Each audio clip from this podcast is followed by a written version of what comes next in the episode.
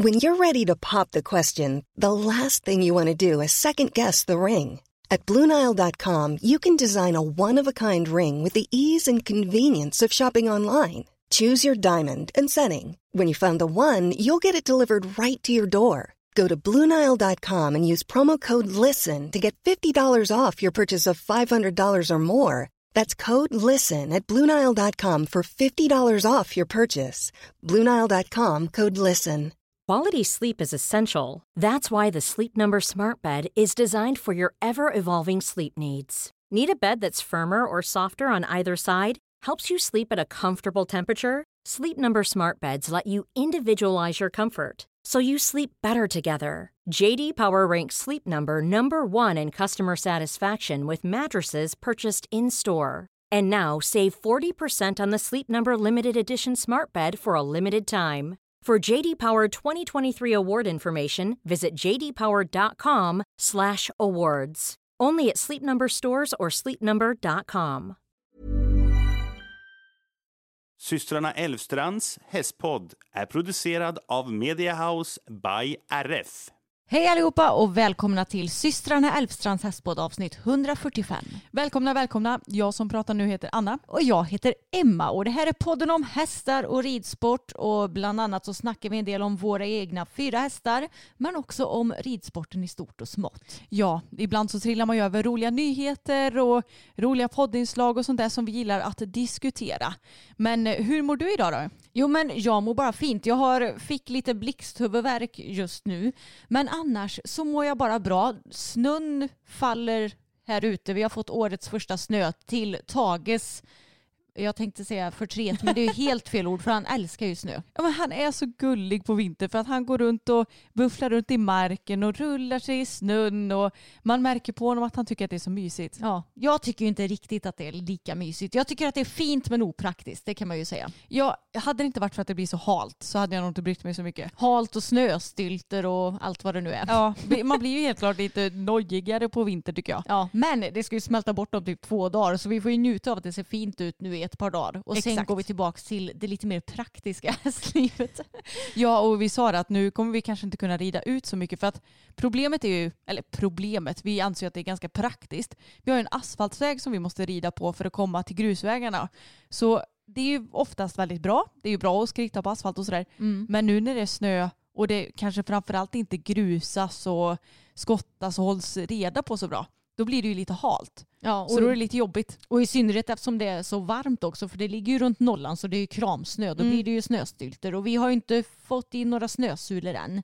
Men ja, det ordnar sig och hästarna är pigga och glada och fina och mår toppen. Men hur mår du då Anna? Jo men jag mår bra. Jag känner att jag är lite sömnig nu. Jag, det är så här lagom efter lunch och istället för att bli flummig för en gångs skull så är jag snarare lite så här en powernap hade varit skönt Ja. typ.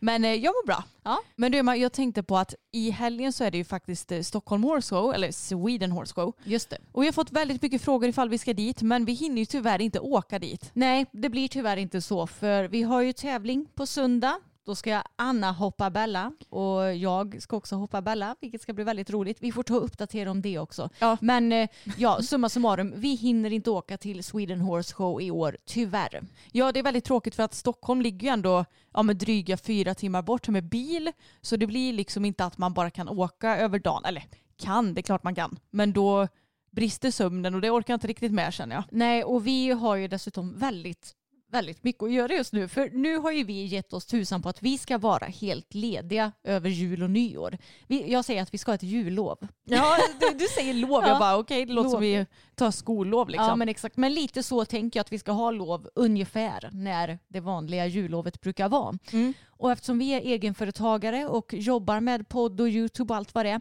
det innebär att vi får ju jobba som tusan i förväg för att vi ska kunna vara lediga i efterhand. Så nu jobbar vi ju nästan dubbelt med att ta fram content. Och jag vet att förra veckan så spelade vi in fem YouTube-videos och ett poddavsnitt så jag känner att min hjärna just nu en smula död men eh, kroppen känns ändå bra. Vad bra. Ja men det är ju lite så att vi får ju jobba ikapp om vi ska ha något content att bjuda på. Och det är ju såklart valfritt. Jag menar vi hade kunnat säga att nej men vi tackar för oss nu i två veckor och Mm. på återseende. Men det känns lite tråkigt för att det känns som att man vill ändå underhålla sina följare och att man ska finnas tillgänglig. Mm. Men också så är det ju pengabortfall för oss om vi försvinner i två veckor. Ja, precis. Det, ja, det blir ju det. Och I synnerhet med både podd och YouTube som ju drar in pengar på annonser. Så jag menar, det är ju det är ju för att vi ska kunna ta ut lön också, även när vi inte jobbar. Och som tur är så har vi väldigt bra följare som kommer med bra förslag på vad vi ska spela in för videos. Så vi har ju hunnit spela in några videos i förskott nu och kommer att fortsätta göra det under resten av november och december. Så ja, men det känns ändå som vi är ute i god tid och som att vi är i bra fas. Och jag längtar faktiskt efter att få vara helt ledig. Det var länge sedan nu.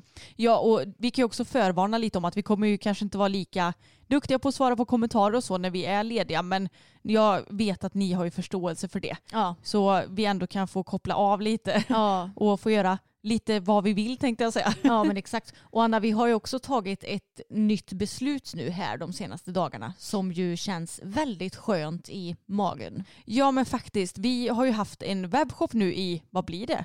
Tre år, tror jag. Ja. Mm. Som heter Hästhuset och den finns ju fortfarande kvar givetvis. Mm. Men vi har beslutat oss för att lägga ner den för att vi känner att det tar betydligt mer tid och energi än Vad det Vad- ger. vad det ger exakt. För eh, vi tänkte att ja men det här är ju en verksamhet som ändå går hand i hand med det vi sysslar med och det gör det ju förvisso. Mm. Vi har tyckt att det varit kul men har känt att vi har liksom inte tiden att lägga på att göra det till 3000 procent som vi Mm. ju gärna vill när Med vi gör allt någonting. vi gör. Mm.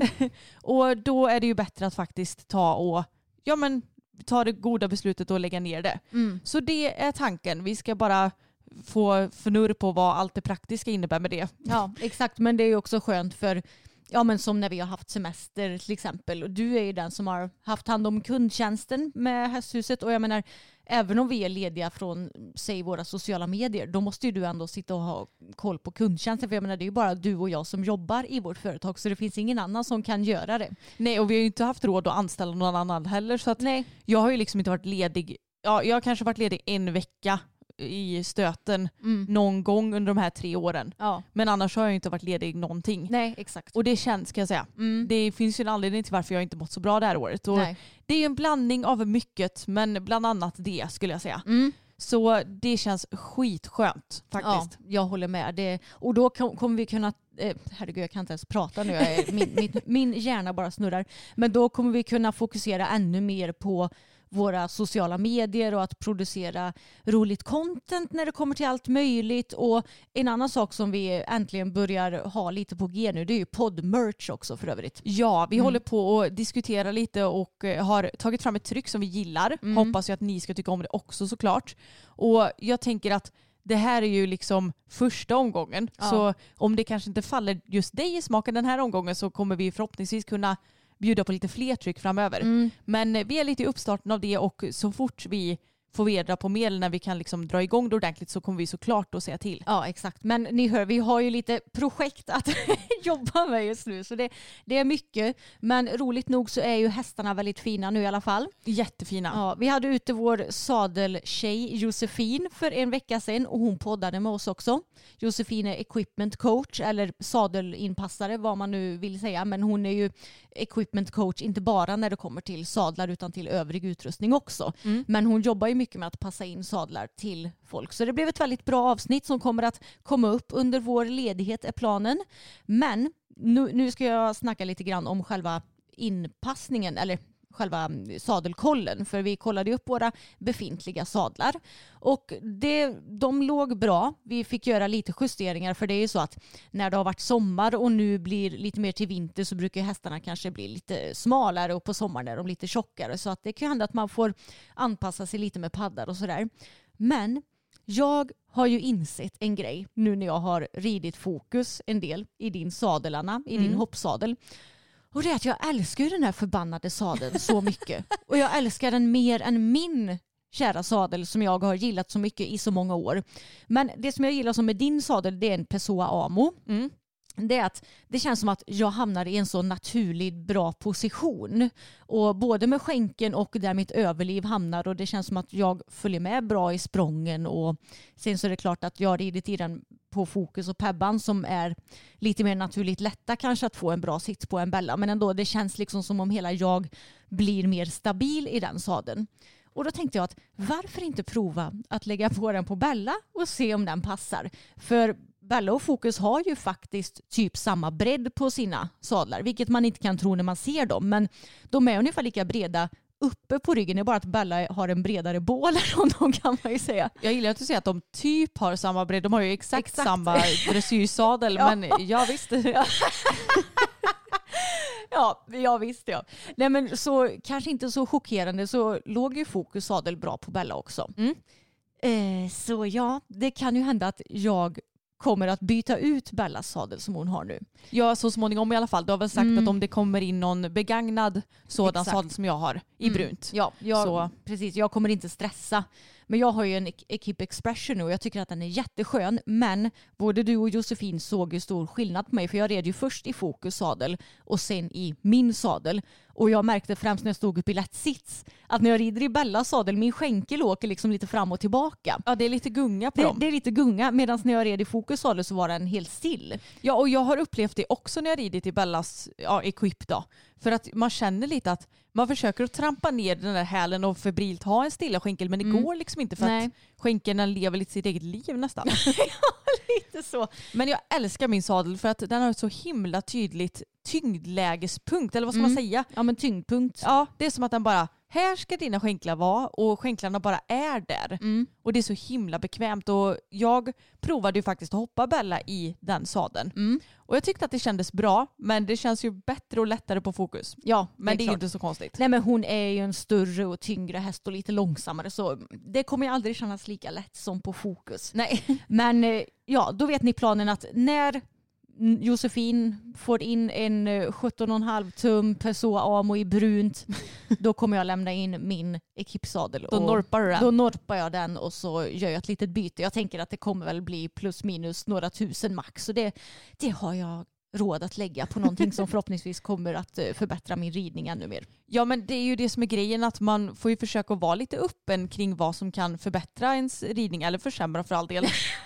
för jag menar det kan ju vara så lite som ett par stigbyglar kan ju vara väldigt Mm. olika hur de känns på foten och något som passar dig kanske inte passar mig till exempel. Nej. Så, nu brukar vi ju falla för samma utrustning men man kan ju ändå prova sig fram lite. Ja. Och man behöver inte byta ut något så stort som en sadel för det kan ju ändå vara ganska dyrt liksom. Mm. Men det finns ju små detaljer man kan ändra på som Oh, ja. kanske kan hjälpa en. när vi köpte våra textigbyglar. Ja, Det var ett hallelujah moment för mig. det var det faktiskt. Ja, det var verkligen så mycket lättare att trampa ner skänkeln på en stabil skänkel, inte behöva oroa sig för att foten glider i stigbygeln. Du, jag hade ju så otroligt mycket bekymmer med att min, ja, att min vänsterfot var det nog framförallt, Ja, bara hoppade ur stigbyggen hela tiden när jag Mm. tävlade dressyr framförallt förr i tiden. ja just det. Du vet varenda travlängning med Tage så bara skumpar den här foten ur. Och jag bara, men för i hela friden så här.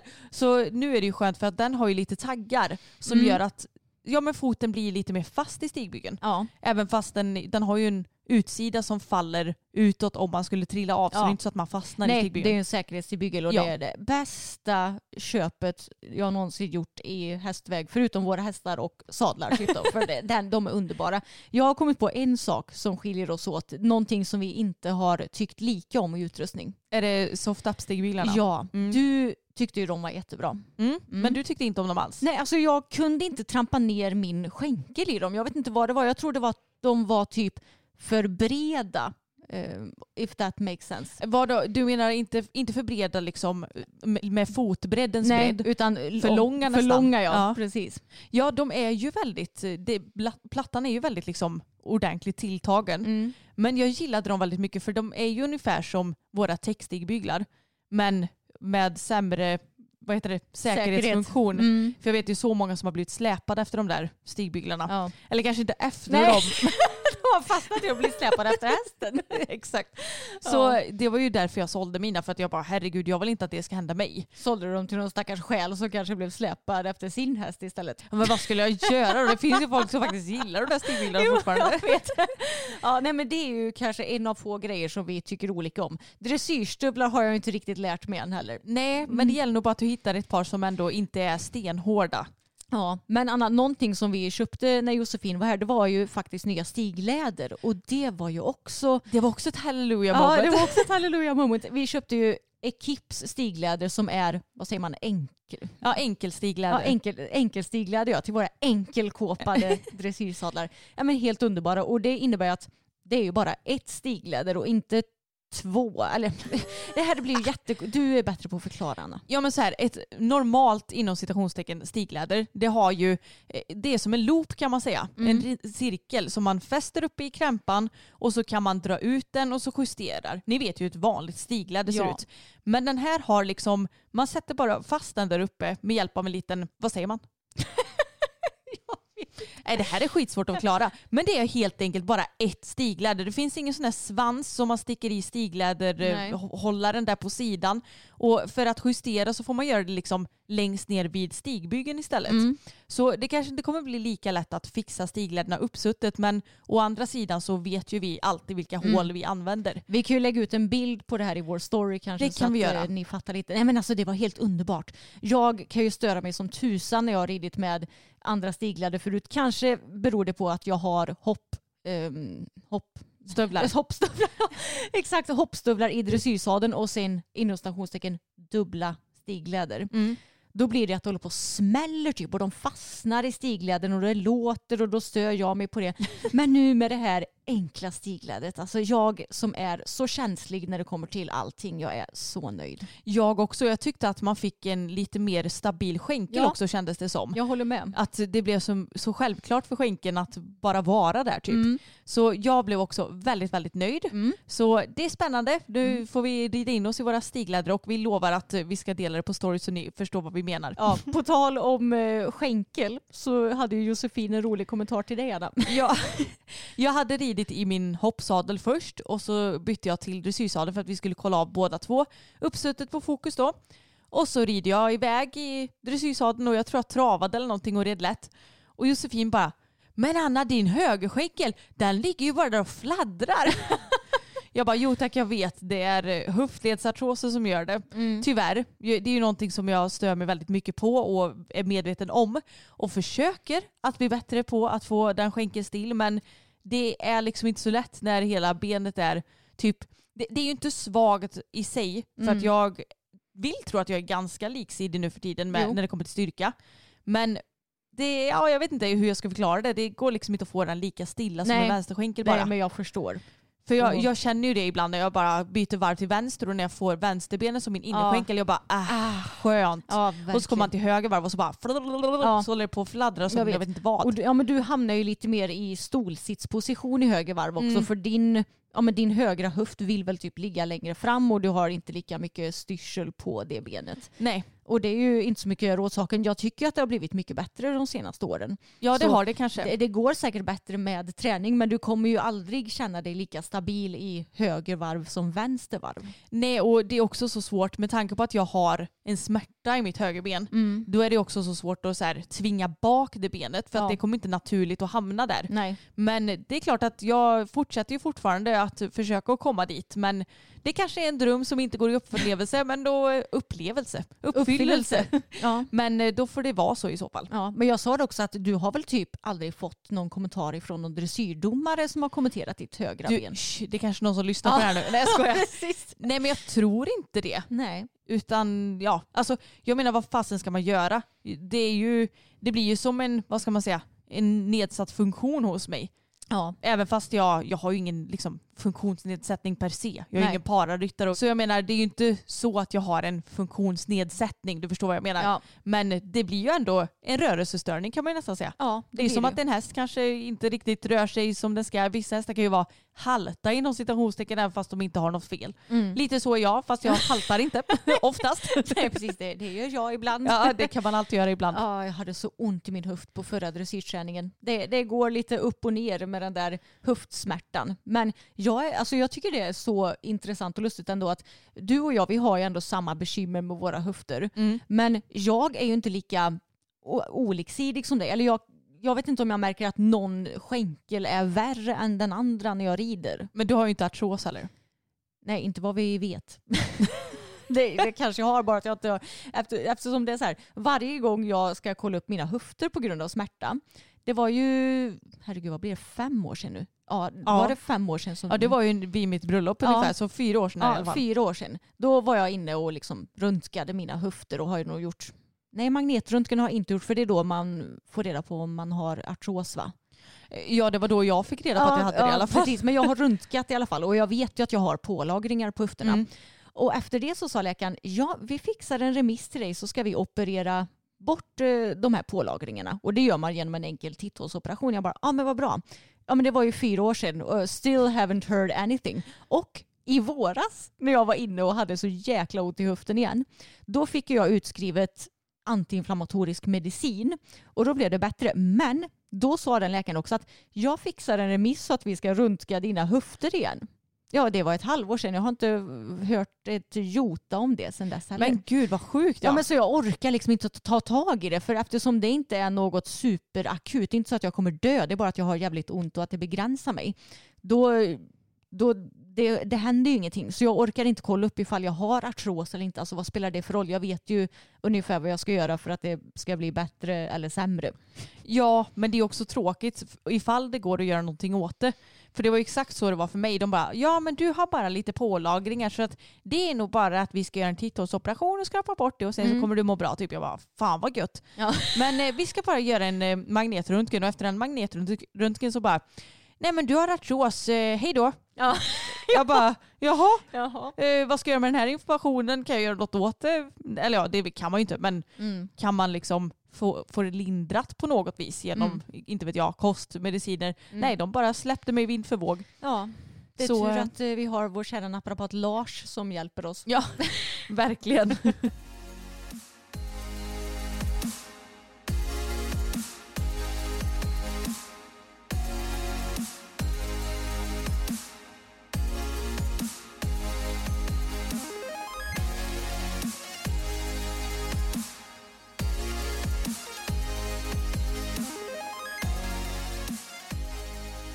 Det här poddavsnittet är i samarbete med Success och ni som följer oss ni vet ju att vi har använt deras produkter i ett halvår nu och vi är så nöjda och glada över deras fantastiska produkter och vi har ju under hela vårt hästliv Emma, haft eh, ganska så stora bekymmer att hitta framförallt bekväma ridbyxor. Det har vi verkligen haft för både du och jag är ju fylliga och kurviga och låt mig säga som så att det är inte så lätt att hitta ridbyxor då. Antingen så glider de ner, korvar sig, de passar i benen men är för stora eller små i midjan, de är obekväma. Ja, det finns ungefär hundra problem när det kommer till att hitta ridbyxor för oss känns det som. Men för ett halvår sedan så testade vi Success ridbyxor och ridleggings för första gången och Anna jag minns att jag sa till dig att Åh herregud, det här är de skönaste ridbyxorna jag någonsin har haft på mig. Ja, men jag undrar om ditt smile var störst den dagen du provred Pebban eller den dagen du provred Success ridbyxor. Ja, det kan ha varit ungefär likadant. Då fattar ni att de är verkligen Elfstrand approved success ridbyxor. Ja men inte nog med ridbyxorna och ridleggingsen är så sköna. De har mobilfickor, de sitter på plats, de är höga i midjan och de är skitsnygga. Så har de ju så himla bekväma toppar också och överdelar och man känner sig sportig, bekväm och snygg i sadeln tycker jag. Ja, exakt. Och gillar du att matcha så går det utmärkt för de har ju flera olika färger i både underdelar och överdelar som du kan matcha med. Och jag gillar verkligen att ridkläderna passar så många olika kroppsformer. Ja, verkligen jag också. Det spelar liksom ingen roll om du är lite rakare och tunnare eller som vi är lite fylligare och kurvigare. Ja, och jag kan bara ta mig själv som exempel som har väldigt breda axlar och brett bröstomfång. Och Success överdelar, de passar mig utmärkt. Och det gör långt ifrån alla andra överdelar kan jag ju säga. Ja men det har varit jättesvårt för dig. Då har du fått gå upp i storlek och då har de istället varit lösa I midjan. I midjan. Exakt. Och den här veckan så är det ju Black Week och det här är den bästa dealen på hela året som Success kommer att erbjuda. Så är ni sugna på att testa Success eller kanske köpa på er lite julklappar till kompisar eller familjemedlemmar eller liknande så är det nu ni ska passa på. Ja men verkligen och jag tänker att jag kan dra erbjudandena som Success kommer att ha på sin hemsida nu under veckan. Och tisdag till torsdag så kommer de att ha 25% rabatt på hela sidan. Och dessutom om du shoppar för mer än 2500 kronor så får du med ett par gratis ridleggings i din beställning. Och sen fredag till söndag så har de hela 30% rabatt på alla produkter och då får du dessutom med ett par gratis ridstrumpor och en gratis huvudbonad om du handlar för över 1000 kronor. Och Anna, som om inte det var nog så har vi ju dessutom en rabattkod som ger ännu mer rabatt. Yes, koden Älvstrand5 ger er ytterligare 5% rabatt. Alltså hör ni hur galet det här är? Ja, det är verkligen helt galet så jag tycker verkligen att ni ska passa på nu. Och vi har såklart länkat till Success i poddens beskrivning. På söndag är det ju då dags för hopptävling och ni som har lyssnat ni vet ju att planen var att jag skulle hoppa Bella i 90 cm och Emma hon skulle hoppa fokus i 90 cm. Ja. Men eh, vi har ju avanmält dig och fokus. Jag var så taggad på att få tävla fokus och det var så kul att hoppa honom och jag var så glad och nöjd. Men ja, ni som följer oss på Youtube, ni vet ju om att vi la ut en film för, vad blir det nu? Är det två veckor sedan typ Ja. eller? Där det inte gick så bra när jag skulle hoppa fokus men vi kom ju ändå över hindren även om det var väldigt svårt att svänga och så vidare. Sen tänkte jag att ja, men då ska jag prova att hoppa honom några dagar senare för att se ifall vi kunde få lite bättre känsla.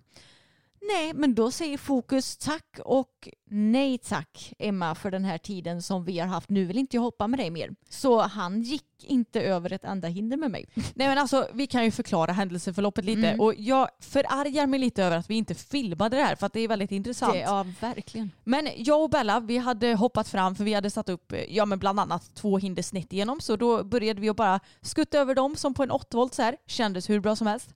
Så kommer Emma Fokus, laddar upp i en galopp som ser fin ut, Mm. rider mot det här räcket och Fokus börjar så flera meter innan och bara bromsa upp, Ja. vrider halsen åt vänster Mm. och liksom bara nej. Nej. Ja, och så försökte ni en gång till. Han gjorde exakt samma sak. Bara Mm. nej. nej. Nej. men då sa ju du till pappa, pappa kan inte du bara sänka hindret för det var kanske så här 60, Ja. 65 centimeter. Så då blir det kanske 40 centimeter ungefär. Mm. Styr på det igen. Fokus gör ungefär samma sak. Mm. Ni styr på det en gång till. Han gör samma sak. Då sa du till pappa, lägg ner det så att det bara är en bom på marken. Mm. Och så kom du väl i skritt istället. Ja, jag tänkte att jag skulle skritta Ja. över det bara. Men Fokus han sa nej. Nej. Och jag höll på att få panik för jag tänkte att har Emma typ pajat Ja. min häst nu? All, allt mitt jobb under dessa år, är det helt uh, väck nu tänkte du? Ja och jag kände också bara vad fan har hon i så fall gjort för att paja honom? För jag menar, jag hade ju förstått om du hade liksom suttit och, inte vet jag, galopperat mot hindret och suttit med piskan så här Mm. och matat eller om du hade, inte vet jag, typ slitit honom i munnen men du har ju inte Ja. gjort någonting. Så jag Nej. kände bara, vad är det han reagerar på? Nej, så jag sa till Emma att vi byter hästar. Mm. Sagt och gjort. Jag eh, hoppar upp på fokus och så kommer jag och bara, då skrittade jag ju bara över bommen Mm. några gånger innan jag satte upp ska tilläggas. Ja, precis. Avsuttet. Ja, för att få lite kontakt typ. Och så sa jag till pappa att nu kan du lägga upp det så att det blir typ 40 centimeter då. Och så kommer vi och så hoppar vi den och så hoppade jag också så stod snett igenom och det gick hur bra som helst. Mm. Och så bytte vi häst igen Mm. för jag tänkte att nu kanske fokus ändå har kalibrerat in sig Ja. på att det är hoppning som gäller. Och Emma och Fokus då kommer i galopp mot det här lilla 40 centimeter hindret och han vägrar. Ja, gör exakt samma sak som förra gångerna. Ja. Och jag tror det kom an typ en gång till bara för att försöka men det nej, men alltså, gick det, inte. Han vägrade. Och sen hoppar då Anna upp igen och det går som tåget. Han går så fint hela träningen, hoppar så bra, styr på alla hinder utan minsta lilla problem. Hade pigg och lätt att svänga. Ja, så vi får helt enkelt inse att Fokus, han vill inte hoppa med mig längre. Han vill bara hoppa med sin älskade bästa matte Anna. Ja, jag, jag sa det till Fokus, jag fattar inte varför du inte vill hoppa med Emma för att egentligen så är hon bättre på hoppning än mig. Men eh, du får ju välja såklart. Fo- För Fokus spelar inte sånt eh, någon roll. Nej. Nej, och du, det här är också lite roligt för jag vet att du har ju klagat lite ibland på att det känns som att Fokus inte litar på dig. Mm. Jag minns inte exakt vilken situation det var men Jo men det har ju varit när han har varit rädd för saker och jag känner typ att han bara eh, vimsar bort i sin egen hjärna Ja, typ och precis. inte, eh, jag, det känns inte som att jag bara kan klappa lite lugnande och Mm. bara så nu går vi förbi utan då bara "Öh." mm, och att du har sagt att ja, jag blir nästan lite ledsen för det känns inte som att Fokus litar på, på mig. Nej men Anna, är inte det här då det absolut tydligaste exemplet på att du är ju den människan i världen som han litar allra mest på? Antagligen den enda människan i världen som han litar på. Ja det är faktiskt helt sjukt. Det, Mm. det tog mig några dagar att smälta det här Ja. faktiskt. För att det känns som att det, det känns så stort och så konstigt på samma gång. Mm. Men det är ju så, vissa hästar är lite mer enmanshästar. Mm. Och uppenbarligen så är kanske han det. Ja. Även om det går jättebra att folk rider på honom och sådär. Men när det kommer till hoppningen så får jag ju inse att det kanske är jag som får ta den största biten av det. Ja, och vi insåg ju också att det är ju, förutom mig då nu när jag har hoppat honom några gånger, så är det ju ingen annan som har hoppat honom fler än typ en gång, förutom dig. Alltså- ja, en gång i rad ja menar precis, du? en gång i Mm. rad. Nu har ju ändå jag hoppat honom ett antal gånger i rad, medan du inte har hoppat honom någonting. Mm. Och, så jag har väl liksom sitt, suttit på en räkmacka och ridit på din, ditt jobb förut. Men nu när inte du har hoppat honom på ett tag då blir det ju ja, att han ska vad ska man säga, bara lita på mig. Och det gör han ju inte för jag har ju inte byggt upp det här förtroendet med honom som du har gjort ifrån marken. Nej.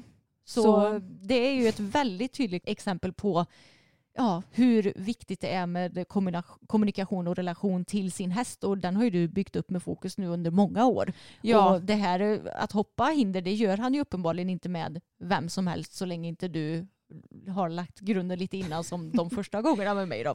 Ja, nej det är, det är faktiskt lite sjukt måste jag säga. Men det, det känns ju också väldigt fint på ett sätt. Ja, och nu, nu har ju jag tvingat Anna att hon ska tävla fokus i hoppning nästa år för du vill ju inte göra det den här gången. Nej men jag kände lite att eh, eftersom du har, jag har ju lämnat över tyglarna lite till dig så Mm. känns det inte riktigt som att vi är redo ut och hopptävla och speciellt inte 90 cm runda bara hux flux liksom. Nej. Utan jag vill ändå känna att vi är varma i kläderna, kanske till och med hunnit med någon pay jump eller upp en bana eller något på annat ställe. Så att vi ändå är lite varmare i kläderna Ja. så att vi kan ut och styra på en riktig tävling sen. Mm. Så jag hoppas att vi ska lösa det till nästa år. Det kommer ni definitivt göra. Ja. Jag tror han kommer tycka att det är kul. Ja, vi har ju tränat lite mer hoppning även förra veckan, för det här var ju typ två veckor sedan nu, Mm. eh, som vi pratade om den här situationen med att Ja. han vägrar hoppa med dig. Och då var det så roligt för att då satte vi upp en bana bara på, eh, när ridskolan har eh, staketet uppställt så är det ju typ 27 gånger 40 själva ridytan. Och då så blir det ju ganska så tajt faktiskt för att vi är ju ändå vana vid våran paddock som är 24 gånger 70 och hoppar vi i ridhuset så brukar vi oftast använda oss av ja, men den större delen av den. Mm. Så vi är ju lite bortskämda på så vis. Ja. Men då fick jag ju verkligen få med mig honom i svängarna och han var så jäkla Mm. fin. Alltså jag tror nästan det är bästa hoppasset någonsin rent, vad ska man säga, att han var med mig så bra. ja, precis. Och den filmen kommer upp imorgon på YouTube. Mm. Blir det va? Ja. Ja precis. ja, jag ska redigera den sen idag så Ja. det stämmer. så Ja. det kändes så himla, himla himla bra att han bara, han var så med mig, flöt med mig i svängarna, kände så fin. Även om vi fick en riktig tvärnit också som ni kommer se på filmen. Ja, han blev lite paff för att det låg en rosa bom på marken framför ett svart hinder. Ja. Vilket ju var jättekonstigt för är ett hinder helt rosa, inga problem. Ett Nej. helt svart, inga problem. Men när det låg en annan bom, oj oj oj, det var jättekonstigt tyckte han. Det var läskigt. Ja, men de har varit väldigt fina i veckan. Dagen innan att du gjorde den här lilla hoppningen så dressyrtränade vi för Johan och den filmen finns ute på Youtube så vi behöver inte prata allt för mycket om det tänker jag. Men Bella hon hade ju lite träningsverk efter det verkar det ju som. Ja verkligen. Det är alltid så kul när man ska hoppa dagen efter hopp, nej dressyrträning menar jag. För då är hon trött alltså. Ja. Och hon blir så struttig på ett sätt för att man känner att man kommer så här, landar efter hindret och jag försöker inte göra allt för mycket för jag vill inte hålla på och flänga och bara nu ska du byta galopp över det här hindret och kanske hålla på och flänga snitt och grejer utan Ja. jag vill att det ska komma ganska naturligt men hon landar gärna i fel galopp, byter till korsgalopp, några språng och struttar runt så här. Hon orkar inte riktigt. Nej, man har så svårt för att få flytet framåt när hon är så trött. Ja. Men det är inte så mycket att göra åt. Och dagen efter det här så skulle ju vår ekiopat Kristin komma ut så jag kände lite att det är nu eller aldrig den här veckan som Mm. vi få, kan få möjlighet att hoppa. Och jag vill ju gärna ta det tillfället eftersom vi ändå ska tävla till helgen. Ja. Så det var så det fick bli och det är också bra att träna på när hästen faktiskt är lite trött. Precis. Men det var ju skönt för Bella att bli behandlad av Kristin dagen efter det här då. För när hon hade lite träningsverk får hon det lite gött och både Bella och Fokus fick mikrovila i helgen eftersom Mm. de blev behandlade av Kristin. Vilket passar väldigt bra för det var skitkallt och blåste isvindar och hade sig i helgen så jag är ganska glad över att jag inte behövde rida. Ja, faktiskt jag också. Mm. Och eh, vi kan ju också bara nämna att Pebban, hon mår fint. Mm. Hon är glad i hagen och vi Idag så longerar jag henne pytte, pytte lite i trav för att jag passade ändå på när det var så mjukt i paddocken. Och hon såg jättefin ut och blir absolut inte stollig utan hon Nej. bara travar på lite lugnt och fint sådär. Hon är cool tjej och du mentaltränar ju lite också. Och hon är så himla duktig. Hon är så lyhörd och så lättlärd och ja, Hon är bara så himla rolig. Ja men det var så kul för att jag ledde henne i skritt och så hade jag henne liksom bog mot bog tänkte jag säga. Jag har ingen bok men ni förstår vad jag menar. och det är så skönt för vissa hästar blir lite sådär när man skrittar med dem och så att man stannar så blir de så att de fortsätter och bara oj har Ja. du stannat? Mm. Men hon bara stannar precis på en gång.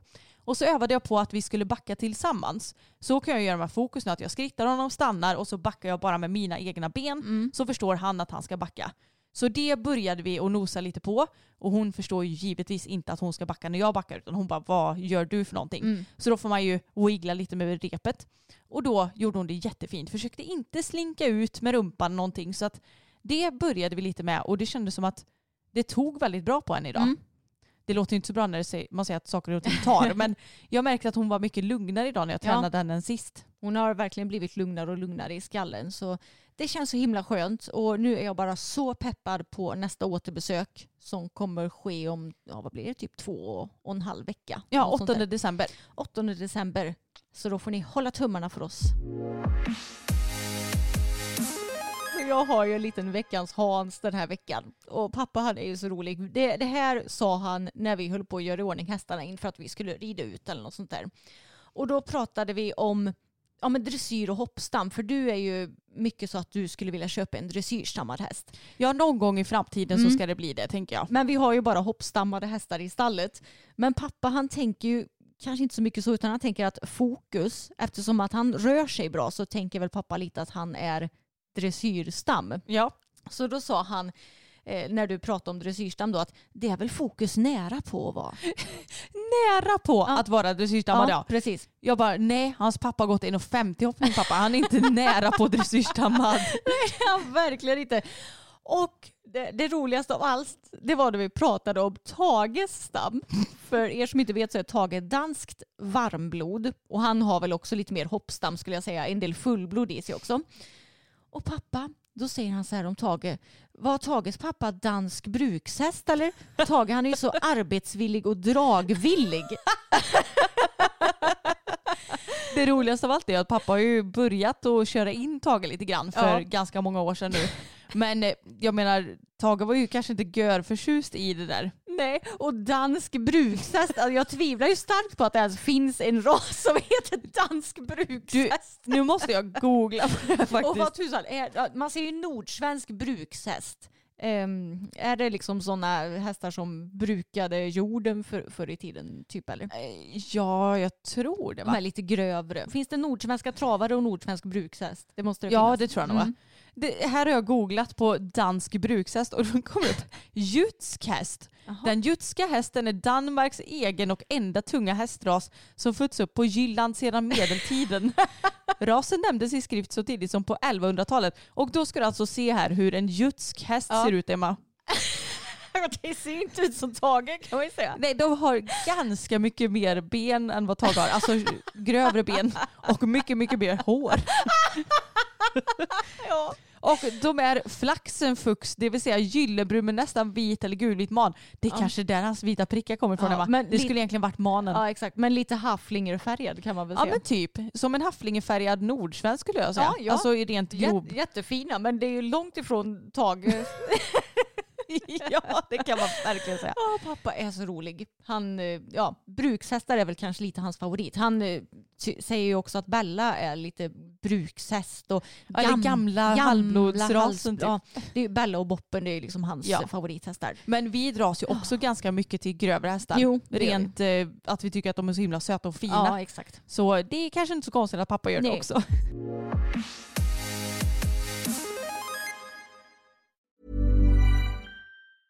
Ready to pop the question? The jewelers at BlueNile.com have got sparkle down to a science with beautiful lab grown diamonds worthy of your most brilliant moments. Their lab grown diamonds are independently graded and guaranteed identical to natural diamonds, and they're ready to ship to your door. Go to BlueNile.com and use promo code LISTEN to get $50 off your purchase of $500 or more. That's code LISTEN at BlueNile.com for $50 off. BlueNile.com code LISTEN. This is Paige, the co-host of Giggly Squad, and I want to tell you about a company that I've been loving, Olive and June. Olive and June gives you everything that you need for a salon quality manicure in one box. And if you break it down, it really comes out to $2 a manicure, which is absolutely insane. It's also so easy to get salon worthy nails at home with Olive and June. The difference between how your nails used to look when you did them yourself and now with the Manny system is a complete game changer. The best thing about Olive and June too is it's a quick dry. Dries in about one minute, lasts for five days, and full coverage in up to one to two coats. Visit oliveandjune.com slash perfectmanny20 for 20% off your first system. That's oliveandjune.com slash perfectmanny20 for 20% off your first system. Okej, men vi lovade ju att ta upp nattryttarna här i podden. Ja. Men det glömdes helt av förra veckan. Vi hade ganska mycket att prata om då, Ja. vilket vi har nu med visserligen. Men nu ska vi äntligen snacka om Nattryttarna som ju är en serie på Simor och den är fritt baserad på Sofie Jans berättelser. Och Sofie har gästat vår podd för ungefär ett år sedan och jag kan varmt rekommendera att lyssna på det avsnittet där hon berättar om sin uppväxt på hästgården med en pappa som misshandlade henne och hennes familj både psykiskt och fysiskt och hennes pappa har ju också bland annat suttit i fängelse för sexuella övergrepp och våldtäkt. Och det finns ju en P1-dokumentär som heter Hästgården. Ja, hästgården. Ja, och i den får man ju reda på mer fakta kring lite mer exakt vad han gjorde. För han har ju betett sig illa under många år mot många olika personer kan man säga. Ja, och vi kan ju också passa på att tipsa om både Sofie Jans bok och också Annas bok, Anna Bolin. Mm. För de är väldigt intressanta båda två. Även om de är väldigt hemska också. För Ja. man får ju reda på hur destruktivt de hade det. Ja, precis. Och vi har ju lyssnat på båda de böckerna. Och med den informationen i skallen så tyckte jag det var väldigt intressant att titta på den här serien. För jag kan ju säga så, så att när vi har lyssnat på böckerna så blir åtminstone jag både arg och frustrerad och uppgiven över att det kan ha gått till på det här viset. Men när man tittar på serien och ser själva skådespeleriet som ju är så bra också, då blir jag typ ännu mer irriterad. Mm, jag vet. Och det är också så kul för Jonas Karlsson spelar ju då Sofies pappa. Mm. Och han är ju en fantastisk skådespelare. Jag har älskat honom sedan jag såg, såg honom i Livet är en schlager. Mm. Men man blir ju bara så otroligt äcklad. Ja. Och det som jag tycker är så skönt och eh, ja men vad ska man säga respektfullt i serien eller så det är att man inte får se några äckliga detaljer utan Nej. man förstår ändå att ja men nu händer det någonting äckligt men Mm. man får inte se hela grejen. Nej, exakt. Om du förstår vad jag menar. Ja, jag fattar vad du menar. Och det, jag tycker att serien är så himla bra Ja. bara. Och jag är också så imponerad över stuntkvinnor eller stuntmännen som är med också för att det ser så himla autentiskt ut när de Mm. trillar av och sånt där. Ja. Jag fattar inte hur man gör sånt där. Nej. jag har aldrig kunnat råkat eller trilla av och att det ska vara meningen. Det är så här man kraschar in i ett hinder typ. Men tycker du att eh, serien känns, vad ska man säga, väl... ehm, Att det Eh, överensstämmer ja, med verkligheten. Precis, att det överensstämmer med det som vi har eh, l- eh, hört i böckerna. Både ja och nej skulle jag säga. Mm. Eh, Det känns som att man får en väldigt bra uppfattning kring hur ja, men själva stalltjejerna hade det. Ja. Men jag tycker att det känns som att sambon, alltså Anna Mm. som spelas i serien, att hon känns mycket, vad ska man säga? Det känns inte riktigt som att den porträtteras helt korrekt. Mm. Nej, jag. nej, du menar att eh, hon inte framställs som ett offer i serien? Nej exakt, utan mer som att hon är någon eh, bad Medhjälp- guy. Ja, exakt. Ja, ja, jag fattar vad du menar. Ja. Eh, Ja men det kan jag hålla med om. Annars så tycker jag att det känns som att vi känner igen många händelser som vi har hört om både i kanske Hästgården, dokumentären och i Sofies och Annas böcker. Men vissa grejer, eh, ja, jag, jag kan förstå, jag, jag vet att Anna hade eh, pratat i Hipson om, om att hon tycker att hon har blivit framställd eh, ja, kanske inte så som hon hade önskat. Mm. Och jag kan ju fatta vad hon menar med det. ja, och samtidigt så är det ju fritt baserat på Ja. Så det är inte så att det här på något vis är 100% så som det var heller. Nej. Och det får man väl komma ihåg också. Mm. Det kanske inte heller har varit tanken från början. Vi har ju inte varit med i regissörteamet så vi har ju inte så Nej. bra koll på det såklart. Men jag tycker verkligen att det är en sevärd serie och eh, har ni More så borde ni absolut kolla. ja, den lever helt klart upp till förväntningarna. Jag tycker att den är så bra. Som sagt, så bra skådespeleri, så härliga och passande miljöer och att det, det berör mycket. Du, Mm. du känner mycket känslor när du tittar på den här serien. Verkligen. Förra veckan så släppte podden Ridklubben ett avsnitt med Kyra Kyrklund som gästade deras podd och de hade en intervju med henne. Och vi har fått flera DM som att ni måste lyssna på det här avsnittet och ta upp det som Kyra säger i podden. Så självklart har jag gjort det. Jag sa till dig Anna, lyssna inte because you're in for a treat med vad jag ska ta upp nu. Ja, så att jag eh, har ju ingen aning om vad som har sagts Nej. utan eh, vi får helt enkelt ha min eh, first impression här. Ja, men en liten sammanfattning då. Vi har ju pratat lite om Kyra i podden de senaste avsnitten för att vi var ju dels på hennes klinik på Jönköping Horse Show som vi tyckte var väldigt bra och Mm. att vi tyckte att hon var väldigt pedagogisk och sa bra grejer. Men sen så har vi också kritiserat hennes uttalanden om kandar och sporrar och att hon tycker att det ska vara krav på det. Ja. Medan vi snarare tycker att det borde vara valfritt, vilket jag vet att många också tycker. Mm. Men i alla fall, nu tänkte jag ta upp lite det som hon säger i podden Ridklubben och så kan vi ta och diskutera det. Anna. En sak som hon pratade om det var när hon fick frågan om vad som skiljer hästarna åt idag jämfört med förr. Mm. Och då säger hon att de är avlade idag med till exempel mycket bättre hals och att det nästan blir ett problem att de ger efter för mycket i nacken vilket gör att de får svårt att få en kontakt till munnen. Okej, vad menas med mycket bättre hals? Eh, ja, Är den längre eller kortare? Ja, ja, kanske mer byggd för dressyr, jag vet inte.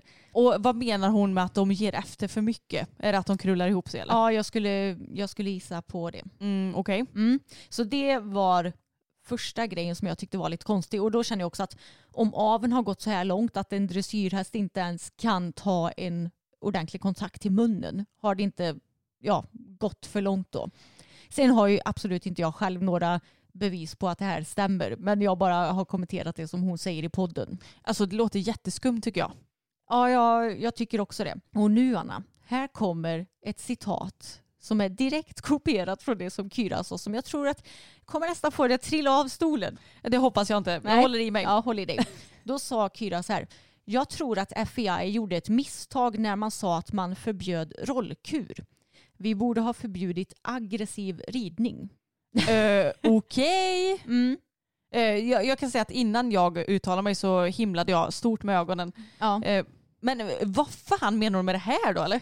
Ja, eh, det, det undrar verkligen jag också. Och enligt mig... Alltså förlåt Mm. att jag avbryter men i vilket sammanhang kom det här citatet ens upp? Ehm, bra fråga. Jag har ju lyssnat på hela poddavsnittet. Ja, men liksom Ehm, frågade de någonting om vad hon tycker om rollkur eller var det bara så här någonting som hon bara ja jag tyckte det här. Nej, jag tror inte de frågade Nej. direkt om det. Det kan ha eh, hängt ihop med det där med att hon pratade om att hästarna är avlade med bättre hals och Okej. att de har svårt att få kontakt. Alltså någonting om hur hästar är byggda och även typ eh, eh, ja, hur hon tycker att de ska jobba. Ja. Jag tror det är lite den kontexten. Okej. Så hon säger att FIA gjorde ett misstag när man sa att man förbjöd rollkur och att vi borde ha förbjudit aggressiv ridning. Och ja, det är klart att aggressiv ridning ska förbjudas också, men enligt mig borde väl inte en häst kunna gå i rollkur om den inte har blivit aggressivt riden från början. Det är lite det jag tänker också. Alltså, mina hästar hade nog inte kunnat gå i rollkur om inte jag sitter och sliter ihop Nej. dem. Liksom. Precis. Och det har jag ingen lust att göra heller för den delen så att det kommer inte att ske. Men va? alltså va? Jag är mållös. Ja, jag vet. Jag tyckte det var jättemärkligt. Jag fortsätter lite till så kan vi Ja. säkert sammanfatta lite senare. Och hon säger också att du kan inte mäta om en häst går rätt eller fel baserat på om den går en centimeter bakom lodplan. Jämför med ett föl som betar på marken, då är den bakom lodplan. Och det här är ju... Men då är den ju inte färdigväxt. Nej, och då är den ju i en naturlig position när den betar. Och sen så, ja men hon, kontexten är väl att hon säkert är trött på folk som eh, kanske pratar om hur hästar ska gå, att många hästar kanske går bakom lod och arbetar fel. Det sker ju hela tiden en del kritik på sociala medier till exempel. Mm. Och jag menar, jag har nog aldrig sett någon klaga på att en häst går en centimeter bakom eller framför lodplan utan det är ju hela paketet som brukar kommenteras. Ja, och jag känner också att det är väl skillnad på om en häst går lite bakom lod, om ryttaren sitter med en lätt kontakt i munnen och eh, i övrigt liksom en trevlig ridning eller Mm. en ridning som man ser ändå Att hästen ser nöjd ut med. exakt och att eh, det är sådär. Än att när ryttaren sitter med en hård hand med spända skänklar som Mm. kanske trycker ihop hästen. Ja men du förstår vad jag menar. Det är ju skillnad på, eh, på vad heter det, äpplen och päron i det här Ja, fallet. men exakt. Men hon är väldigt svartvit i många uttalanden märker jag när jag lyssnade på den här podden.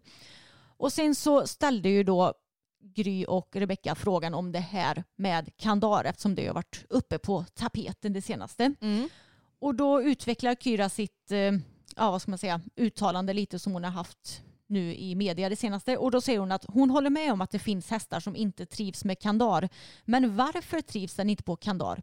Är det för att deras kropp inte är som en dressyrhästs? Att halsen och munnen inte är byggd som det ska vara för en internationell Grand Prix-häst? Jämför med att du har en häst som hoppar bra i 1,40 men som inte har kapacitet för 1,50. Det finns begränsningar av vad hästar kan lära sig eller hur de kan gå som bäst. Ett kandar kanske du kan missbruka med en häst som inte är tillräckligt bra. Alltså Men det, här är, va? det här är bland det absolut konstigaste jag har hört. Ja, men det är så roligt för det är också så här, det är så svart och vitt. Du jämför äpplen med päron. Om vi tar den här jättekonstiga jämförelsen hon hade med hopphäst. Ja, Jämför med att du har en häst som hoppar bra i 1,40 men som inte har kapacitet för 1,50. Ja men den har ju inte kapacitet eh, den har ju inte, inte kapacitet för 1,50 för att den måste gå med ett specifikt bett i den klassen. nej precis det är som att så här, ja men kandarkrav i hoppning. Och nej min häst kan inte gå in och 50 hoppning men hade jag haft ett trendspets så hade jag kunnat gå in och 50. Alltså va? Det är ju för fan inte en samma sak. Jag vet och så säger hon ju det finns begränsningar av vad hästar kan lära sig eller hur de kan gå som bäst. Men det här handlar ju inte ens om att det är begränsningar om vad hästen kan lära sig utan vad den trivs med. En häst kan ju göra en lika bra piaff, passage, byten i varje på trendspets som den kan med kandar. Det, det har ju Det är ju inte in- rörelse. Nej, det har ju inget med varandra att göra. Det, det finns absolut hästar som kanske bara har kapacitet för 1,40 men inte för 1,50. Men man kan ju inte säga att en häst inte har kapacitet för Grand Prix om den kan gå Grand Prix med ett trendspets.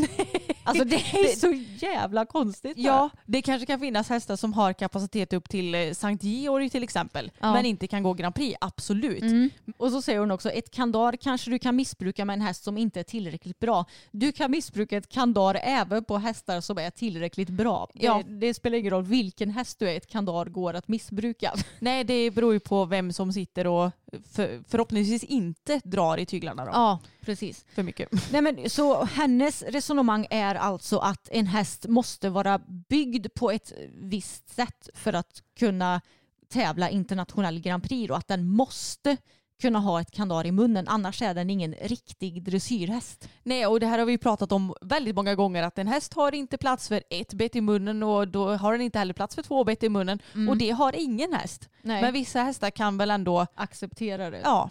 Och som sagt, folk får rida på vad de vill men jag förstår inte varför det här ska vara så svårt. Eller varför det grämer henne så mycket att det ska eventuellt bli valbart. Nej, jag fattar inte Det heller. kommer inte bli något för henne personligen att det hindrar henne. Nej.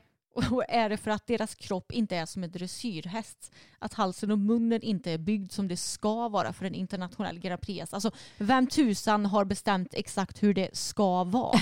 Är det ett visst antal centimeter som Ja. den här halsen behöver vara lång? Ja, eller vad? precis. Och den där hopphästen som inte har kapacitet för 1,50 det är ju inte för att den inte är byggd som en 1,50 häst som den inte har kapacitet för det. Nej. Nej, det, alltså det här är så otroligt märkligt. Men eh, ja, och, och det här med att eh, hon tycker att FIA gjorde ett misstag när man skulle förbjuda rollkur. Jag tycker det är jättemärkligt att eh, ja, men hon fick inga vad ska man säga, följdfrågor på de här skojsiga citaten heller. Nej men du, jag kan säga att hade jag suttit mitt emot Kyra så hade nog jag blivit helt chockad och inte vetat vad jag skulle säga efteråt. Så att, Det hade varit kul om typ en veterinär som har bra med grund för sina uttalanden hade kunnat diskutera sånt här med Kyra. Mm. Eh, när det kommer till studier på hästvälfärd och ja, men hästens munnar och eh, hur hästen är byggd och allt sånt där. För då hade ju den personen kunnat komma med lite vettiga argument det, och varit väldigt säker på sin sak. Mm. Det hade jag tyckt varit intressant att höra en, ja, en diskussion mellan två sådana parter. Ja, vi är ju bara två glada amatörer som såklart inte har forskning bakom allt men vi Mm. ifrågasätter bara saker som låter väldigt konstiga i våra öron. Ja, men nu har jag kommit på en grej som är 100% killgissning men som jag ändå tycker är på något sätt lite logiskt. För ofta så ser du ju dressyrhästar på en hög nivå som går med väldigt, väldigt lite ganachefrihet. Det vill säga att, ja, hur ska man säga? Ja, men de- det är nästan som att de har en dubbelhaka liksom. Det är Ja. inget space mellan själva halsen och själva huvuddelen direkt. Nej, precis. Och oftast så går de här hästarna också mycket bakom lod skulle jag säga. Och det är ju så, en häst som jobbar bakom lod, den tränar ju upp sin underhals, alltså musklerna som ja, fäster i bröstet och går upp hela vägen till ganachen. Mm. Medan om en häst går i en bra form, det vill säga på eller strax framför lodplan, så jobbar den ju mer med sina magmuskler och eh, tränar snarare upp sin överlinje skulle jag säga. För det är ju så att en muskel, säg att du ska göra en bicep curl, Mm. du tränar ju upp själva muskeln när du drar in armen och då sträcker du istället ut Tricep. precis. Mm. Medan en tricep den tränar du ju när du tar bak armen. Så det är ju när muskeln komprimeras som den tränas och då är det ju logiskt att om en häst kör in och vad ska man säga? Ihop ja, in och ihop huvudet då är det klart att underhalsmuskeln tränas. Mm. Tyckte du jag sa det här på ett pedagogiskt sätt? Ja Nanna? men det tycker jag. Ja, och då är det lite så här, vad är hönan och vad är ägget i det hela? Att om hästen har jobbat så mycket bakom lod så tränar de upp den här underhalsmuskeln vilket i sin tur gör att de får lite ganachefrihet. Tror du att det kan hänga ihop på något vis? Du tänker att den muskeln är större så de får ännu mindre ganachefrihet eller? Ja, Alltså kanske. det här är ju som sagt 100% killgissning men jag är ju lite av en logisk tänkare så jag tycker ju det är intressant att tänka sådana här tankar och ja, men att olika grejer kan höra ihop. Mm. Precis. Mm. Det, det kan säkert ha något med det att göra. Mm. Och det är ju också så här, det är jättesvårt ibland när hästar, man kanske ska göra någon ny typ av rörelse, man ska träna in någonting nytt. Mm. Då är det väldigt lätt att de försvarar sig genom att krypa lite bakom. Mm. Och det är liksom så här, det är inte så att vi tvärlynchar de som rider sina hästar lite bakom lod. För det kan finnas anledningar till Ja. det. Men så länge man inte drar in den där nosen, känner Mm. jag. Och att man försöker åtgärda problemet kanske. Exakt. Jag menar min kära Fokus, han Mm. gick inte så himla bra i form förr i Nej. tiden heller. Nej, herregud. Men eh, nu för tiden så har han ju ändå bra frihet i ganachen och Mm. går i en trevlig form tycker jag. Ja det gör Men kommer du ihåg vilken underhals han hade när du köpte honom? Ja det var helt sjukt. Det är ju också ett stort bevis på att om du jobbar din häst i rätt form så kommer den också att utveckla rätt muskler. Ja och nu är inte det så att jag säger bara ah, jag är så duktig för jag jobbar min häst i rätt form. Men eh, det är ju verkligen ett mål jag har haft och det har tagit Mm. jättelång tid för oss att få honom att faktiskt komma ut med nosen och kunna jobba med överlinje på rätt sätt. Ja. För att han är en spänd häst, sänker gärna ryggen, drar upp nacken och så spänner sig där så att hundhalsen bara kommer ut som en, jag vet inte vad, Mm. pelikantrut Ja. typ. ja, exakt. Så eh, det är inte lätt med hästar, det Nej. vet jag själv. Mm. Men eh, ja, som sagt, så länge man inte gör det med vilje så Ja. tycker jag att det är helt okej. På tal om eh, det som Kyra sa i, i podden. Då har jag funderat på en grej också. För hon säger ju att idag är dressyrhästar avlade med bättre hals vilket gör att de har svårare att få kontakt med bettet. Så det logiska är alltså enligt henne då att trots att den här aveln har gjort att hästen Har en bättre hals. ja, har bättre hals och svårare att ta kontakt och stöd på bettet. Då ska vi alltså tvinga hästen att stoppa i ett ännu skarpare bett i munnen. Och det låter också som att vi behöver ha hästar med sämre hals för att de ska ta bättre kontakt med bettet. Ja, Eller hur? ja. Exakt. Jag menar det är ju otroligt ologiskt att en häst som redan har svårt att få kontakt, ja men den ska vi stoppa in ett skarpt hävstångsbett på med Mm. dubbla bett. Ja, nej. Det, det är så, så många frågor, så få svar känner jag. Jag kände också det. Jag blev inte klokare av att lyssna på det här känner jag. Nej, inte jag heller. Och jag kommer verkligen aldrig förstå hur man kan tycka att någonting som är valfritt är dåligt. Nej, verkligen inte jag heller. Nej, och hur man kan tycka att det är en sån himla stor konstform att rida på kandar och med sporrar. Nej, och det är ju som hon säger att självklart så är det ju verkligen något som man behöver vara duktig på att kunna rida på kandar på ett bra sätt. Att det ja, att det inte sker med någon form av styrka utan att det är med väldigt lätthet och lalala, allt sånt där. Men som sagt, jag förstår inte varför det inte bara kan få vara valfritt och varför det inte bara kan få vara en icke-fråga Nej. egentligen. Inte jag heller. Det är, hon, hon är allt bra mossig Kyra, men vissa grejer eh, tycker jag ändå att hon gör bra, som till exempel den där klinikerna var ju väldigt bra. Ja, den var riktigt bra. Men eh, ja, det är som vi har sagt, man behöver inte vara helt svartvitt i allt. Vi kan ju tycka att en grej som Kyra gör är inspirerande och bra, medan vi kan tycka att hon är mossig när det kommer till andra grejer. Man måste liksom inte älska allt en person gör eller hata allt en person gör, utan det finns nyanser. Ja, man kan välja sina delar. Exakt, och det, den här delen eh, tyckte jag ju då var väldigt märklig. Ja, den var konstig, Ja. det får jag säga. Och det känns också som att ingen riktigt vågar säga emot henne heller bara för att hon är Queen Kyra som är liksom dressyrsportens The Eh, Dressage Queen. Ja, the dressage queen, sportens stora mm, professor typ. Jag hade missat ännu en till grej jag hade skrivit upp om Jaha. Kyra. Och hon fick en fråga i podden om vad man kan göra om man har en häst som inte vill ta stöd på bettet. Då har hon svarat, du måste titta varför den gör det, om den har problem i munnen eller om bettet inte passar. Det är också lite dubbelmoral för om bettet inte passar, ja fast en häst ska tydligen tvingas kanske gå med ett bett som den inte gillar då. Om den ska behöva gå med kandar. ja, precis. Sen sa hon också att man måste ta ett stöd själv. Och det är ju sant. Ja. Men det är också så här dubbelmoral att hon säger att om bett, du måste kolla om den har problem i munnen eller om ett bett inte passar. Fast det går ju inte hand i hand med det som hon har sagt tidigare. Nej, faktiskt inte riktigt. Nu är ju vintern här och med det så är det många som klipper sina hästar. Vi har ju bland annat gjort det faktiskt. Och de fick se en halvklippning just nu för att vi kände att de blev så otroligt svettiga när det var 15 plusgrader och sol. Var det seriöst en vecka sedan eller? ja, alltså det här väderomslaget Anna. Ja, det är Crazy. crazy, crazy. Men de blev ju helt dyngsura av att rida så att både Tage, Bella och Fokus har fått sin halvklippning nu. Och vi har ju ägt två stycken klippmaskiner i våra liv. Den första var en, nu ska vi se, Val Avalon heter den. Ja. Och det är som en batterifri, eller inte batterifri, sladdfri klippmaskin fast den har liksom batteriet i en klump och så är det som en liten telefonsladd till själva klippmaskinen. Mm. Och då kan man med fördel ha det här batteriet typ i en midjeväska eller stoppa det i fickan eller något sånt där. Och jag tänkte att jag skulle ta och jämföra lite den klippmaskinen med den klippmaskinen som vi har just nu. Mm, det låter bra. Du är ju den som brukar klippa våra hästar.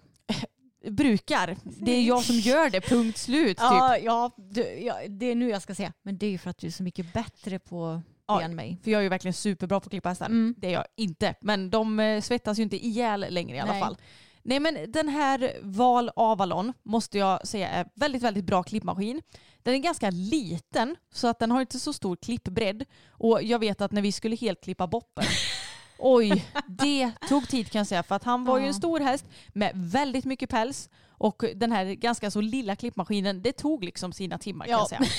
Så att det är lite så här, när man ska välja klippmaskin så får man lite gå efter vad är det jag tycker är viktigt. Mm. Som sagt, det som jag tyckte var för, fördelen med den här det var att den var väldigt, väldigt tyst och den var väldigt lätt att ha i handen. Den Mm. var inte mycket tyngd i Nej. och inte mycket vibrationer i handen. Det var jättelätt att byta skär. Så egentligen inte så mycket klagomål mer än att jag tyckte att det var lite mäckigt att ha batteriet typ runt magen. Mm. För att då var det lite sådär att man kan inte stå på backen och klippa halsen utan man var tvungen att kliva upp på en pall och ja men lite mäckigt ändå. Ja, och att den också var så pass vad ska man säga, smal så att det tog ju ganska lång tid att klippa en häst. Exakt. Annars var den ju väldigt ergonomisk och god att använda. Mm. Och det är också sådär, en lite mindre klippmaskin kan ju ändå vara till sin fördel när man ska klippa benen eller om man vill göra något rolig hjärta eller något sånt där på rumpa till exempel så är det ju ändå smidigt. Men när det var dags att köpa en ny klippmaskin så kände jag bara, ska vi köpa samma eller ska vi prova en annan? Och då kände jag att äh, vi provar någon annan. Ja. Så då köpte vi en Asculap Econom CL, Mm. heter den. Och det är en klippmaskin som inte har något, eh, någon sladd överhuvudtaget utan hela klippmaskinen har batteri i sig. Mm. Vilket gör att den är helt klart lite tyngre än Val Avalon. Men den är också lite, lite större. Lite större klippbredd och den låter kanske lite mer än vad Val gör. Men jag tycker att det går så mycket snabbare att klippa med den. ja, det har gått skitsnabbt nu känns det som när du har klippt. Ja, jag bara så Mm. har pälsen rasat iväg tänkte jag säga.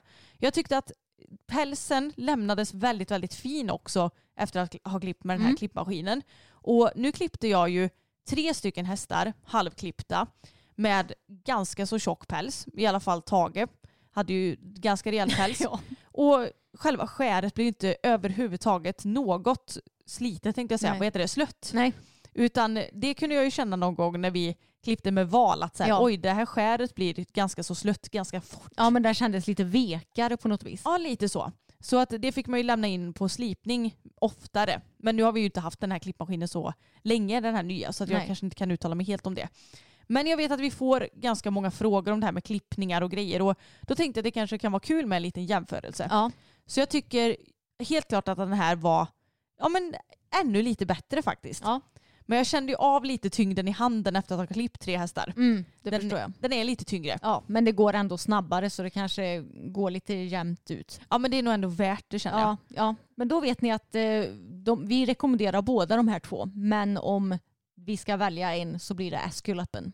Ja men jag skulle också säga att är du en sån person som verkligen helklipper din häst Mm. då kan det ju typ vara, man får ju välja lite, antingen så köper man en Asculap och har kanske, köper en till lite mindre klippmaskin som man kan ta typ till ben och detaljer och sånt där.